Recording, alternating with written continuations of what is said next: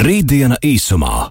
Raidījums īstenots ar Eiropas Reģionālās attīstības fonda atbalstu. Tehnoloģijas, nākotne, attīstība un tam visam pa vidu cilvēks. Aktuālākie zinātnes jaunumi - Rītdiena īsumā. Rītdien īsumā ir gaisā Arthurs Bernovskis, ir, ir tepat, tepat studijā ar balsi. Čau, Artur! Čau, čau, Magnus! Uf, es jau stāstīju klausītājiem kopš pieciem pēcpusdienā par to, ko mēs ar tevi šajā dienā runāsim. Un es zinu, ka tu esi cītīgi sagatavojies, jo tev ir stāstāmais par iedzīvotāju izsakošanas tehnoloģijām un čipošanu. Jā, nu, tā kā šajā pandēmijas laikā šī tēma paliek ar vien aktuālāka, jo nu, te ir.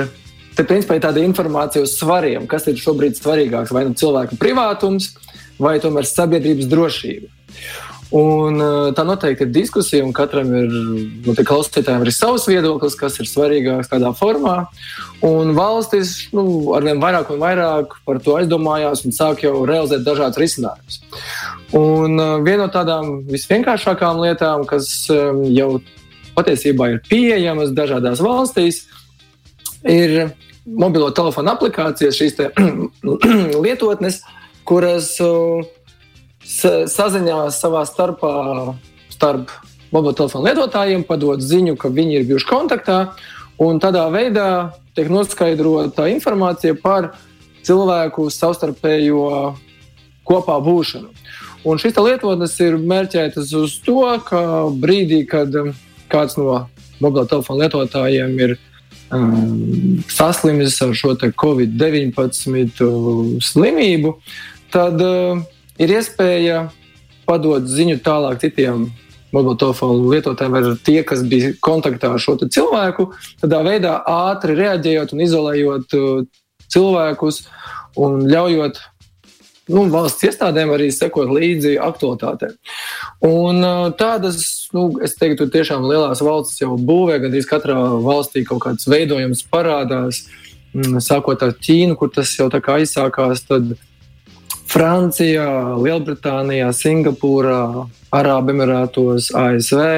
Latvija arī šobrīd kaut ko līdzīgu taisa.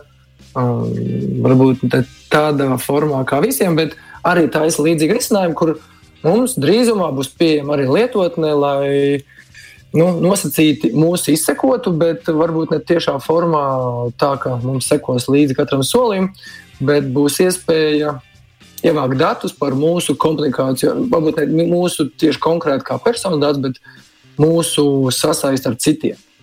Es saku, Artur, vai vai tā GPS lokācijas atrašanās vieta, vai šis punkts arī tiek, uh, tiek uz, saglabāts. Nu, ir, protams, ir jā, lietošanas kārtības noteikumi, kur mums visiem būs jāizlasa, un tajā mirklī, kad mēs piespēdīsim akcept, ja pieņemt nu, to, ka mēs pieņemam to. Bet es, es kaut kur redzēju saistībā ar šo lietotni, ko grasās izveidot pat Latvijā. Ka, jā, man jāatzīst, es neesmu izlasījis visu rakstu. Es redzēju virsrakstu, virsrakstā kliedzoši bija teikts, ka tieši GPS location šī lieta mums absolūti nav svarīga. Tādus datus mēs neņemsim. Vai tu, vai, vai tu esi informēts par šo?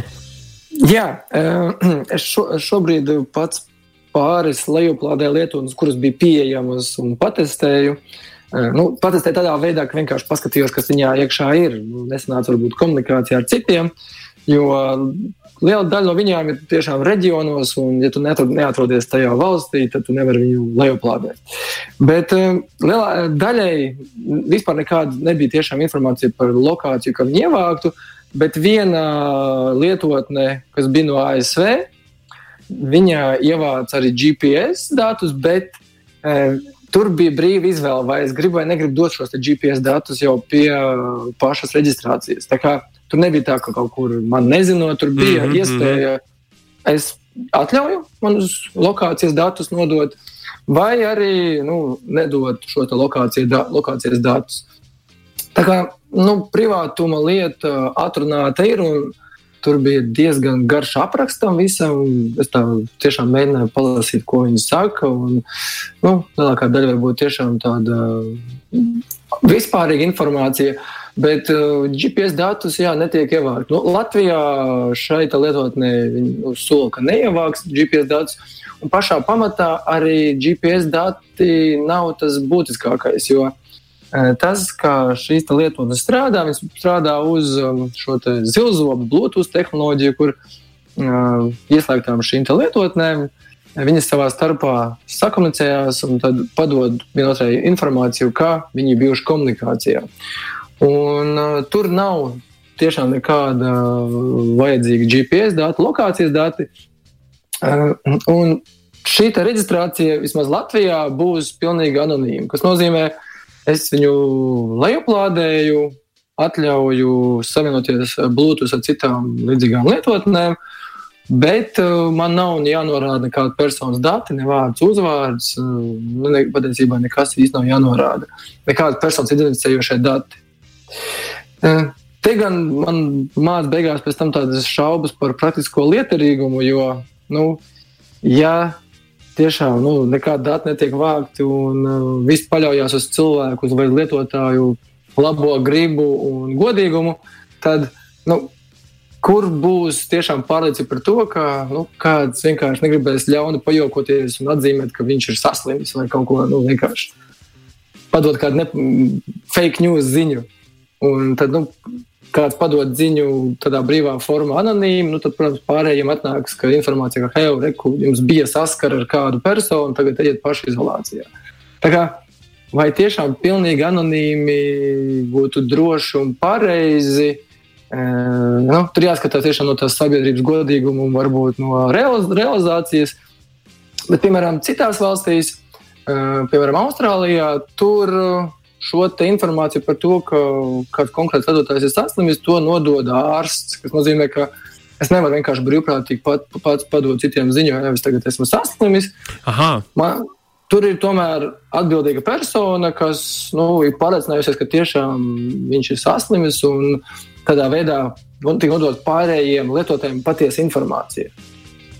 Bet te atkal līdz ar to ir par šo privātumu, jo, nu, ja kaut kādā formā šī ziņa nu, tiek padota. Jautājums tiešām, cik pilnīgi atkal anonīmi tas viss ir.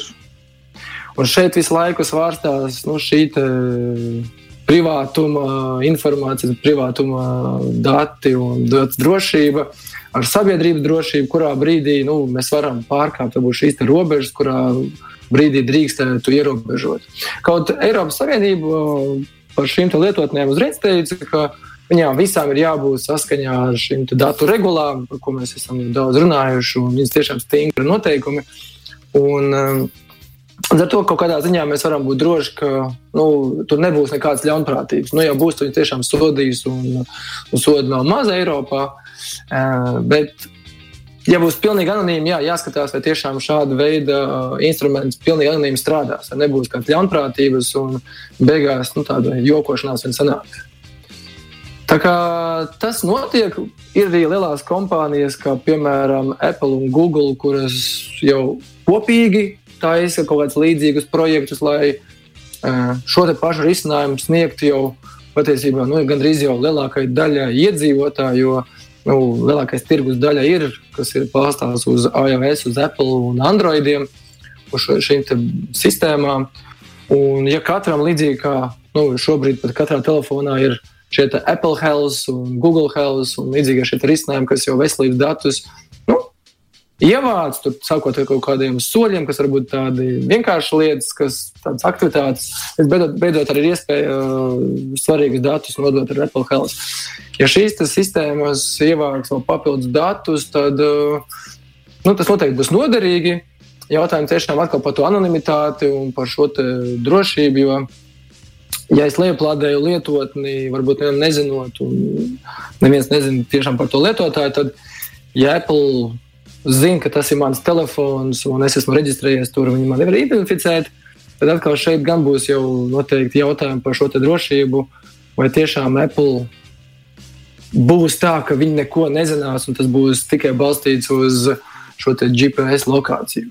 Tā kā noteikti, šis viss svārstās, bet nu, te ir noteikti tas jautājums par to pašu Orvelu un par citām tādām eh, distopijām, kur nākotne, kur mēs virzamies, vai tiešām tas būs un vai tas nepieciešams šobrīd. Tas noteikti būtu noderīgs, ja tas jau eksistētu. bet cik daudz var iejaukties. Uh, ir mērierīces un dažādi risinājumi, kas palīdz pat ievākt datus um, par veselības datiem. Jo, piemēram, um, ir tāds sensors, Vital Connect, tāds teikt, plāksters, ko tu pieliec pie sava ķermeņa. Un viņš nodod datus ar mobilo lietotni par uh, esošo veselības stāvokli. Jau. Kas nozīmē, ka tur noteikti vairs nav nekāda anonimitāte. Tur jau ir uh, reālie dati, tur mēra sirdsdarbību, mēra elpošanu, mēra temperatūru. Un šobrīd šis risinājums nu, arī tiek pozicionēts kā ļoti noderīgs instruments uh, cīņā ar Covid-19, jo nu, viņi ievāc šos pamatus svarīgos datus ar elpošanu, ar sirds un temperatūru un var padot signālus jau.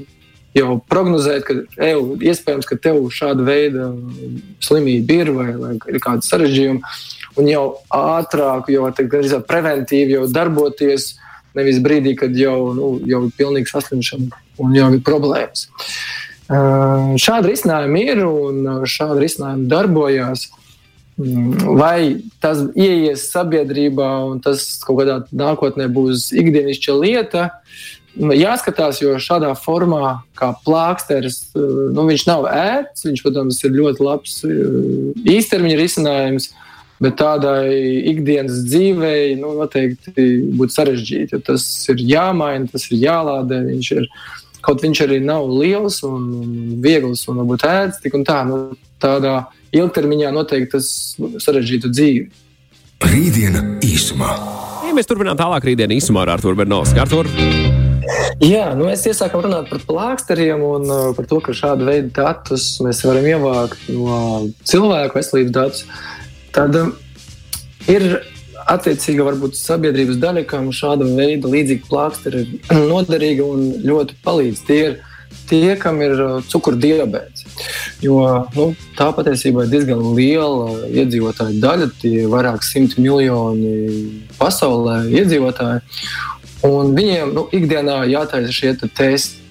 Bet ir plāksteri šāda veida, jāsaka, pat viedie risinājumi, kā Sugarbeat, uh, Freestyle Libre un līdzīgi, kur uzlīmē plāksteri sev, piemēram, uz um, kādas ķermeņa daļas, uz, uz uh, rokas, un uh, viņi dzīvajā laikā padod datus par cukuru līmeni asinīs.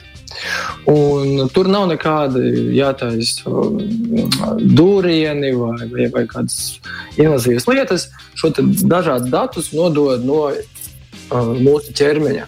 Un, protams, ka šajos gadījumos nu, šāda veida plāksteri palīdz, palīdz ikdienā, un šāda veida plāksteri nu, tiešām palīdz ikdienas dzīvei tādā vieglākā formā. Nav jāsarežģījās ar šiem dūrieniem.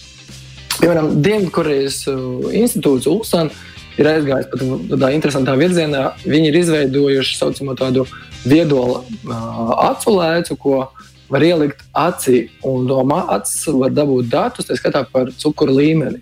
Un šobrīd tas tiek testēts uz dzīvniekiem, un tas darbojas. Šādi veidi dati tiek ievākti. Un uh, jautājums, protams, kad tas nonāks arī līdz cilvēkiem, kad šī, šāda veida nu, viedās lētas, kuras ievāc arī datus, var nodot arī ikdienas veselības monitorēšanai. Nu, par dzīvniekiem un čipošanu mēs jau zinām, un tā varbūt jau ir tāda saprotama lieta.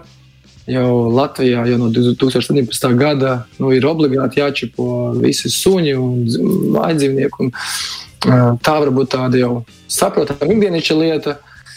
Bet kā ar čipošanu cilvēkiem? Jā, nu, arī tas notiek, varbūt savādākā formā, bet uh, ir arī čipi, kas, eh, kas tiek implantēti cilvēkiem, lai varētu arī ievākt datus. Eh, šobrīd eh, tas viss notiek, protams, brīvprātīgā formā, un iedzīvotāji var ielikt savu čipu uz nu, pārsvarā tiek viņi ielikti starp rādītāju pirkstu un īkšķi, tur ādas daļā, ērtā formā. Un šobrīd, nu, kaut kādā formā, diemžēl, jāsaka, Viņš eh, neko daudz nedara, kā tikai līdzīgi kā mūsu bankas karte ar šo RFID čipu vai durvju atvēršanas čipu. Respektīvi, mēs varam darīt tādas pasīvās ikdienas lietas, kuros nu, mēs šo implantēto čipu aizvietojam ar mūsu ikdienas varbūt, citiem čipiem, durvis atvēršanām, maksājumiem un tā tālāk. Šeit mūsu kaimiņu zemes Zviedrijas iedzīvotāji ļoti progresīvi un aktīvi. Un pat jau kādu aptuveni 5000 iedzīvotāji ir ielikuši šos savus čipus. Vairāk vai lielākā daļa ziņkārības pēc, bet tas parāda to, ka, nu, ka šāda veida ikdienas lietošanai čipi nu, ir diezgan ērti, noderīgi. Varbūt kaut nu, noteikti, es domāju, dažādi veidi viedokļi, un visdrīzāk būs divi veidi. Vieniem tas liksies kaut kas pilnīgi drausmīgs, un mēs ejam abnormālā virzienā. Otri uzskatīs, ka nu, tā ir tā nākotne, un, bez, nu, un tā ir neizbēgta. Patiesībā tas ir atvieglojums. Kā tev pašam, tev, kurā pusē tu esi? Vai oh, gribētu? Tu zini, tad, kad es lasu Tad, kad es lasu sazvērstības teorijas par, par to, ka mūs izsakos un, un liks mums būt paklausīgai pelēkai ar, armijai, kas, kas sako kaut kādām tādām lietām, man tas šķiet muļķīgi. Es domāju, nu kā, kā nu, nu, par, par ko mēs strīdamies. Bet, uh, bet, bet, bet mirklī, kad Zini, kā kamēr, kamēr tas nav mm, tik, tik ļoti pierasti, parasti un normāli, kamēr tas nav mainstream, nu, tikmēr es, es paskatīšos sākumā, kā citiem tas strādā. Un, un, un, un pēc tam pats, pats, pats izmantošu. Līdzīgi kā Neuralink patiesībā, Ilona Maska uh, ideja par to, kā var, kā var dabūt, kā var izārstēt daž, dažādas galvas traumas un smadzeņu bojājumus, vai vienkārši uzlabot savu veiktspēju tas, jā, tas ir laika jautājums. Mēs, es, es domāju, ka mēs diezgan drīz patiesībā redzēsim, kā, kā šis izspēlēsies plašajā pasaulē. Un, un zini, kā, kamēr tas izspēlēs kaut kur plašajā pasaulē, līdz Latvijai tas nāk, oh, vēl ilgi, vēl ilgi būs jāgaida. Citur pasaulē cilvēki saliks savu čipus iekšā, un tur būs lidojošas mašīnas, un mēs Mēs varbūt tādu velojoslas redzēsim Rīgā. Es nezinu. Apmēram tā. Tevis pieminētais Neuralink noteikti ir tas uh, atkal viens Elon Musk uh, nu, futuristiskais projekts, kurš uh, solās pat tuvākā laikā, nu pat it kā sola šogad, bet drīzāk, nu, es teiktu, tuvākos gados jau kāds prototyps būs jā, par šo te smadzeņu čipiem, kas palīdzēs smadzeņu problēmās. Eh, ja kāds grib patestēt, eh, vai to pašam radās interesi, ir tāds Vivoki, kur tu vari nopirkt šādu veidu čipu un implantēt vienkārši savu rokā, patestēt. Bet uh, ir šie, šīs tā, jā, sabiedrības daļas, kuras, un es pat teiktu, drīzāk tas varbūt ir noteikti paudzes arī, kurai nu, daļai varbūt pilnīgi liekas tas abnormāli un traki. Tu zini, Artur, un... ja, ja, ja, ja, man, ja man atnāk un izskaidro cilvēks, ko tieši šī ierīce darīs, vai ne? Un man ir pilnīgi skaidrs, kāpēc tas man ir vajadzīgs, kāpēc nē. Bet, eh, bet domāt un, un interesēties par kaut ko, kas visticamāk ir, diezgan, diezgan lielas muļķības. Man, man, man nav tam spēka, es teikšu, godīgi. Es, es, nespēju, es, es, es nespēju. Un, ja vēl to visu savākt, sazvērstību teoriju tajā, tajā virpulī, vai ne? Uh, ar vēl pāris dūlām lietām, nu, tad, tad es, es, es mēģinu iedomāties kā, uh, to, to, to sajūtu, kāpēc. Nu, ka, nu, kā to visu var nu, sasaistīt, piemēram, tos pašus čipus nu, ar 5G un izsakošanu. Un, un pēc tam tur, es, es nezinu, domu maiņām, vai ne? Tur valdība nospiež podziņu, un tagad tu domā šī tā, nu, kādā, kādā veidā. Nu, tas, kas, kur šobrīd man interesanti pasakot līdzi, gan par čipošanu, gan par to noderīgumu, ir eh, tāds eh, izgudrojums kā North Sense, tāds arī čips, ko ir implantējuši pāris simtu cilvēku. Eh, un tas čips nodod signālu ķermenim par to, kur, kurā šobrīd, kur ir ziemeļi. Respektīvi, brīdī, kad viņš pagriežās uz ziemeļu puslodi, mm -hmm, viņam mm -hmm. ķermenim padod signālu, ka šobrīd ir ziemeļi. Es tādu cilvēku esmu patiesībā saticis savā dzīvē. Bija savulaik notika pasākums Sinovus, un, uh, un viens no spīkeriem bija aizmirsis viņu ah, vārdu un uzvārdu. Viņš bija okay. implantējis sevī tādu titānu plātīti, un viņš vienmēr jā, varēja jā, noteikt, jā, jā. Uh, vienmēr varēja pateikt, ziemeļi. kur ir ziemeļi. Nu jā, un šobrīd eh, tas pētījums ap šo čipu un sasaist ar smadzenēm ir tāds, ka uh, nu, viņš balstās uz uz vienu citu pētījumu par Londonas taksistiem, kuri braukā pa pilsētu. Viņiem, nu, vismaz senāk, šobrīd ir šie GPS arī. Bet uh, viņiem ir jāpārzina visa karta. Viņiem jābrauc pa visu milzīgo Londonu, zinot katru adresi. Un viņi spēja diezgan labi orientēties telpā. Un šobrīd šis pētījums tiek likts kopā ar šo ziemeļu čipu pētījumu, kur arī tiek pētīts, vai šādā veidā cilvēks visu laiku noskaidrojot, kur ir ziemeļi, spējas labāk orientēties telpā.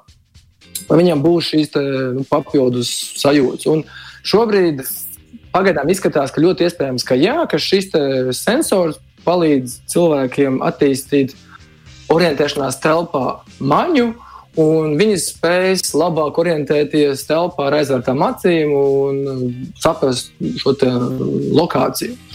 Un uh, šis, nu, ja tas pierādīsies un darbosies, varbūt šāda veida čipi palīdz ne tikai mums kā instruments, bet uzlabot mūsu maņas, tad Neuralink un visi citi pārējie līdzīgie risinājumi, kas, ko mēs implementējam, tie varbūt būs nu, netik daudz ikdienas risinājums, kā mobilais tālrunis, ko mēs lietojam.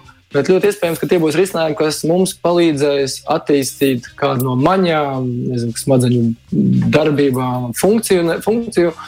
Un tas tikai īslaicīgs treniņš, līdzīgi kā mēs nezinu, mācāmies lasīt vai spēlēt klavierus. Vienkārši mēs uzlabojam šīs maņas. Uh, Un eh, kas, to, protams, zina, kas nākotnē būs? Jo nu, šobrīd čipošana kā tāda ir ikdienišķa jau tādā ziņā, ka mēs varam nopirkt šo čipu. Ir čipi vai plāksteri, kas nodos datus. Noteikti, ka tuvākā nākotnē šie implanti arī nodos datus eh, par veselību, ka mēs varēsim dzīvajā brīdī, šajā laikā noskaidrot savu veselības stāvokli. Noteikti paliks jautājums par šo privātumu. Jā, cik tālu tas ies un vai tas kādam kaitēs vai kāds izmantos ļaunprātīgi. Jo, ja kādam būs pieeja, protams, pie šiem datiem un hakeri urķi uzlauzīs šos datus, nu tad varētu būt bīstamība. Jā. Nākamajā reizē, Artur, varbūt šo varam atšķirt vēl sīkāk. Paldies tev par sarunu! Visu labu! Visu labu! Čau, čau! Rītdiena īsumā! Raidījums īstenots ar Eiropas Reģionālās attīstības fonda atbalstu.